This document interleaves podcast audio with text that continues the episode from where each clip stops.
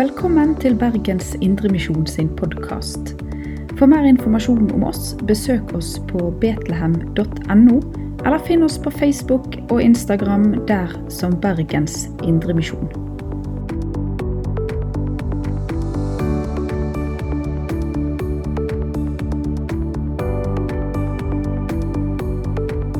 God søndag. God søndag, alle sammen. I dag er det teksttrekken, den andre teksttrekken for palmesøndag. Matteus 26, 6-13, som er prekentekst. Og det er når Jesus blir salvet i Betania. Vi leser i Jesu navn. Mens Jesus var i Betania, hjemme hos Simon den spedalske, kom det en kvinne bort til ham med en alabastkrukke med kostbar salve. Den helte hun ut over hodet hans mens han lå til bords. Disiplene så det og ble forarget. Hva skal denne sløsingen være godt for, sa de. Salven kunne vært solgt for en stor sum og pengene gitt til, gitt til hjelp for de fattige. Men Jesus merket det og sa til dem, Hvorfor plager dere henne? Hun har gjort en god gjerning mot meg. De fattige har dere alltid hos dere, men meg har dere ikke alltid. Da hun helte denne salven utover kroppen min, salvet hun meg til min gravferd. Sannelig, jeg sier dere, overalt i verden hvor dette evangeliet blir forkynt, skal også det hun gjorde, fortelles til minne om henne. Herre, må du hellige oss i din sannhet. Ditt ord er sannhet. Amen. Jesus blir salvet til sin gravferd. Det er det søndagens tekst handler om. Og så vil jeg legge til av Maria. For vi skal minnes Maria denne søndagen. Hun viser oss vei til noe helt spesielt. Plassen foran Jesus ved Jesu føtter. Vi befinner oss i Betania, en landsby noen kilometer øst for Jerusalem. Og disse stedene rundt Jerusalem fungerte som overnattingssteder for de som kom tilreisende til påskefesten. Det var rundt 100 000 som bodde i Jerusalem til vanlig, men under påskefesten så kom det opptil en million tilreisende. Og Jesus han tok inn i Betania før han skulle inn i Jerusalem. Og, det, og i Johannes 12, som er en parallelltekst til eh, vår tekst i dag, så står det at det var seks dager før påske at Jesus eh, blir salvet. Og det er altså lørdagen, sabbaten, dagen før Jesus rir inn i Jerusalem på palmesøndag. Og kort tid i forveien, før denne lørdagen, så hadde Jesus nettopp vekt opp Lasarus fra graven. Det var et mektig under som nettopp hadde skjedd. Og nå tok Jesus inn hos Simon den spedalske. Det var iallfall han som var husvert og eide huset. Om han var levde eller død, det er litt usikkert. Men Jesus var iallfall sammen med disiplene sine og sammen med Martha, Maria og Lasarus, som nettopp var blitt oppvåket, oppvekt. Og det står at de holdt et festmåltid. Det må ha gjort et vanvittig inntrykk på Maria og Martha, det at Lasarus var blitt oppvekt. Og nå var de sammen. Tenk for en glede og takknemlighet de måtte kjenne på denne dagen. Martha hun stelte som vanlig. Men Maria hun gjorde noe veldig overraskende. Maria kom bort der som de lå til bords og spiste. Hun kom bort med en alabastkrukke, og det er en litt sånn veldig fin stein som er nesten litt sånn gjennomsiktig. En veldig dyr krukke, og den var fylt av en nardussalve. Og Denne salven var vunnet ut fra en rot i India ved Himalaya-fjellet, og den var veldig kostbar. Og vi hører at Judas Iskariot eh, prisgir denne til 300 denarer. Og én denar var en, et dagsverk, eller en dagslønn. Så hele denne salven tilsvarer omtrent tre, altså en, nesten en hel årslønn. Denne tar Maria. Og hun, hun, drypper ikke bare noen dråper over Jesus, men hun brekker Det står i Markusevangeliet at hun, hun brekker hele krukken, og så heller hun det ut over Jesus. Og hele duften fylte huset med denne salven.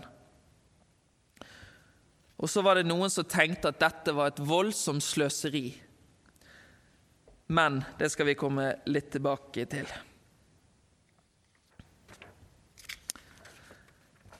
Maria hadde nemlig vært foran Jesu føtter før.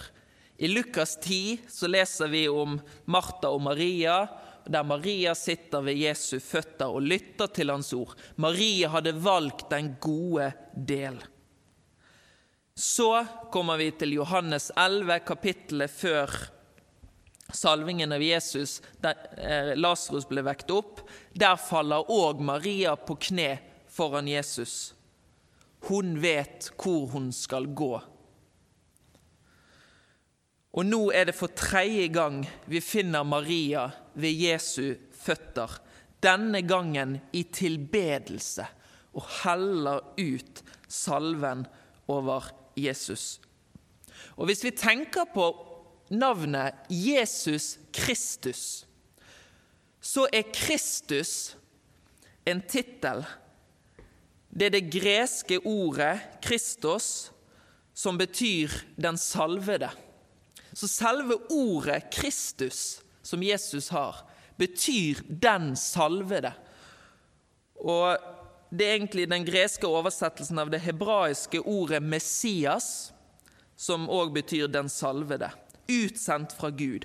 Og i Det gamle testamentet så ble konger, profeter og øversteprester salvet med olje på hodet sitt da de ble innviet til tjeneste for Gud og utrustet med Den hellige ånd. Jesus er den salvede. Han er Messias som skulle komme ifølge løftene i Det gamle testamentet. Men kong Jesus var en annerledes konge, som vi sang her om at han valgte en eselfole og ikke en hest og en tornekrone osv. Kong Jesus var annerledes enn andre konger. Han var ikke en Messias som skulle fri jødene fra romerne, fra okkupasjonsmakten. Han var den Messias som hele Det gamle testamentet vitnet om, som skulle frelse ifra synd. Og dette gikk gjennom korset. Og dette var en hemmelighet som selv ikke disiplet forsto så mye av. Men det var én som forsto kanskje mer enn noen andre, og det var Maria. Og nå som vi går inn i den stille uken fra palmesøndag osv., så, videre, så går vi inn i selve klimakset. Klimakset for Guds frelseshistorie. Det var nå det skulle skje. Alle løftene som skulle bli oppfylt på Messias.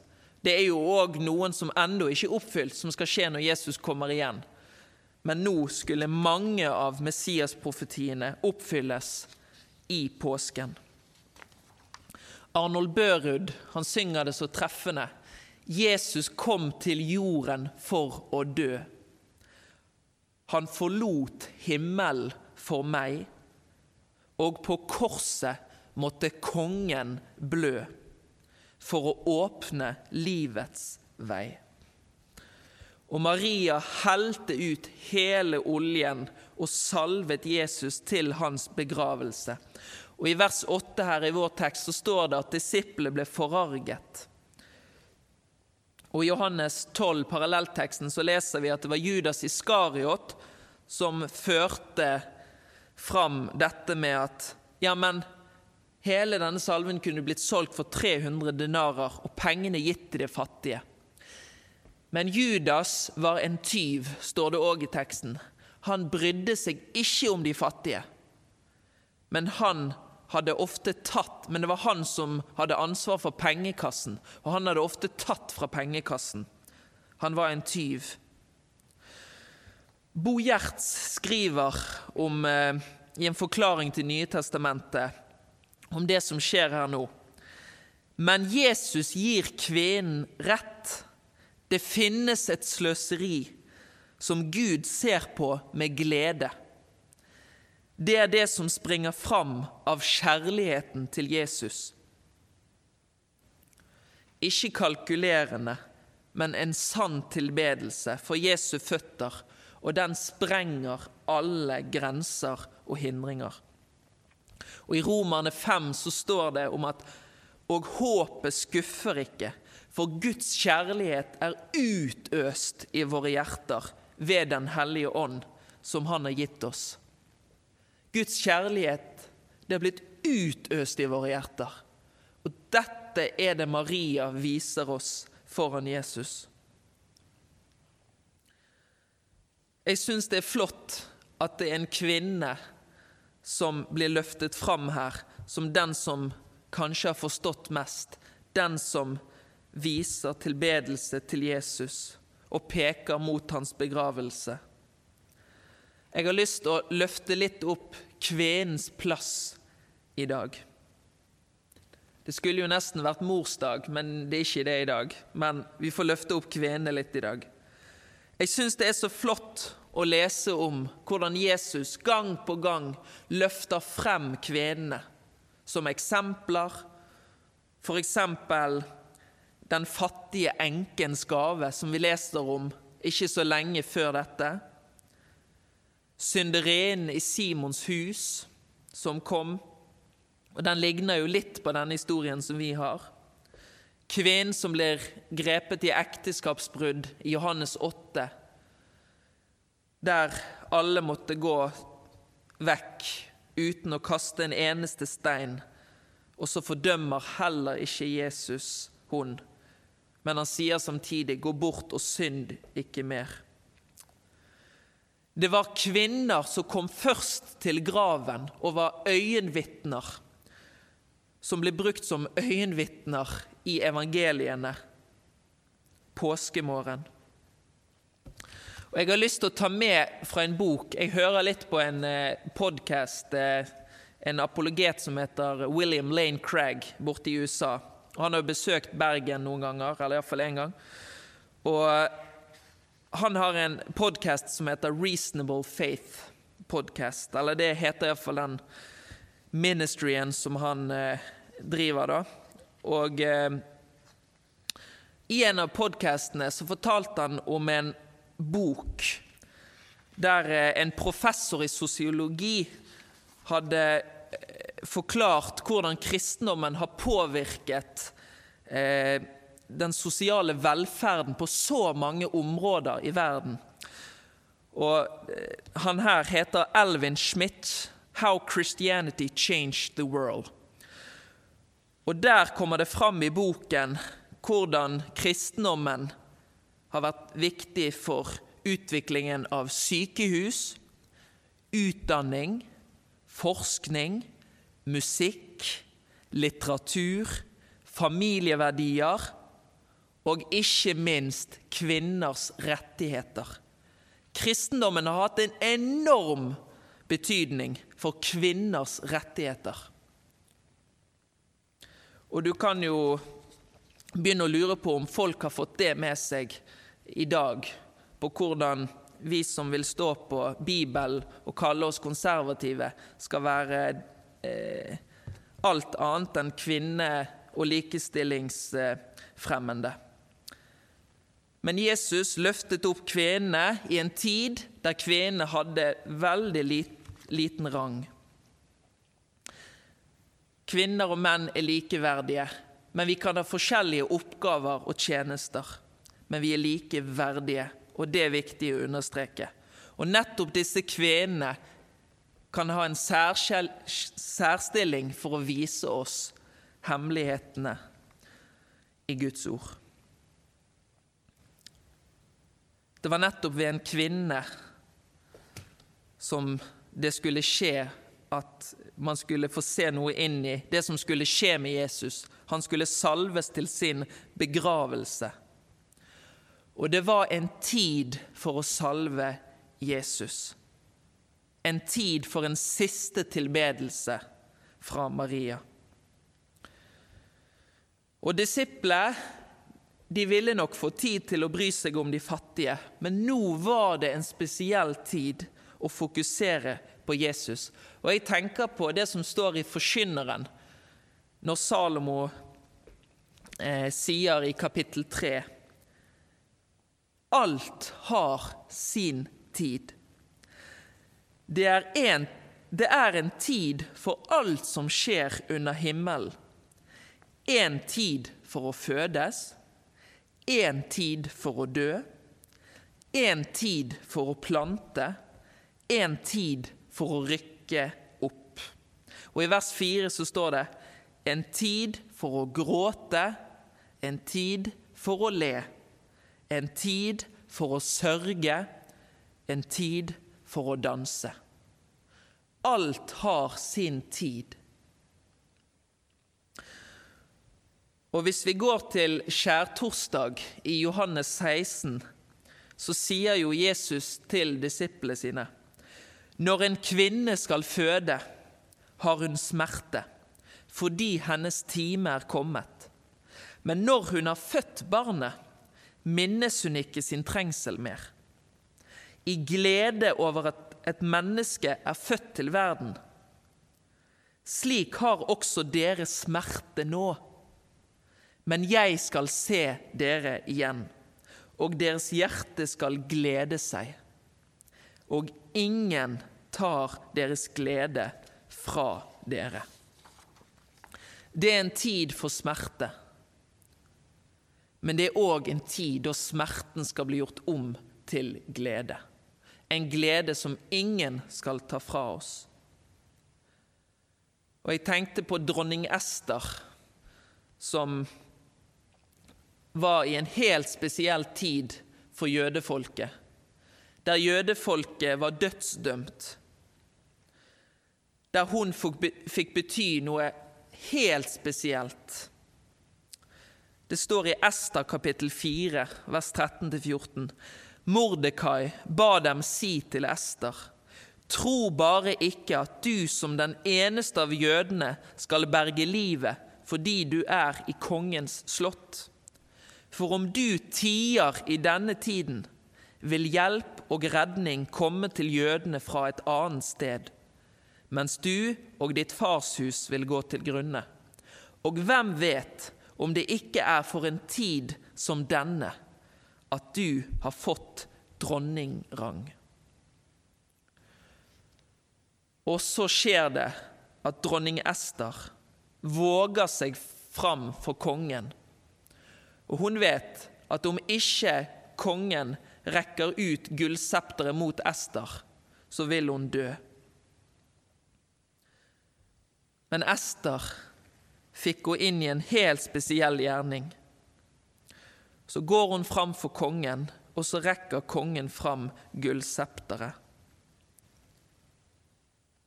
Og hvem vet om det ikke er for en tid som denne at du har fått dronningrang? Så kan vi spørre oss i dag. Hva tid lever vi i? Vi som lever i koronatiden nå. Hvilken tid er dette? Er det en tid for å gråte? Er det en tid for å le? Er det en tid for å tilbe og bruke tid i bønn og Bibel? Er det en tid for å løfte blikket ut av det vante hverdagslivet som var før korona? Er det en spesiell tid nå for å se andre mennesker som har det vanskelig? Hvilken tid lever vi i nå? Og kanskje det er i en tid som denne at vi skal være observante på de rundt oss og kan ha en spesiell mulighet til å bry oss om andre og kunne peke på Jesus. Og det begynner der som Maria begynte, ved Jesu føtter og lytte til hans ord. Martha var travelt opptatt, og det er mange tjenester og ting som skal gjøres. Men det begynner ved Jesu føtter. Og derfra springer det ut en lovsang. Det springer ut en tilbedelse. Å forstå Jesus og Hans nåde. Og så får dette gå opp for oss. Og da kan den Guds kjærlighet som er utøst i våre hjerter, springe ut og deles med mennesker rundt oss. På den måten tjener vi Gud og elsker vi Gud ved å elske vår neste. Kanskje i en tid som denne skal vi få bety noe spesielt for andre. Og i denne påsken så håper jeg det er en tid der vi får sitte oss ned ved Jesu føtter på Mariaplassen i takknemlighet for alt Jesus gikk igjennom, i takknemlighet for den frelse som kostet mer enn alt. Den frelsen som gir oss del i det evige livet.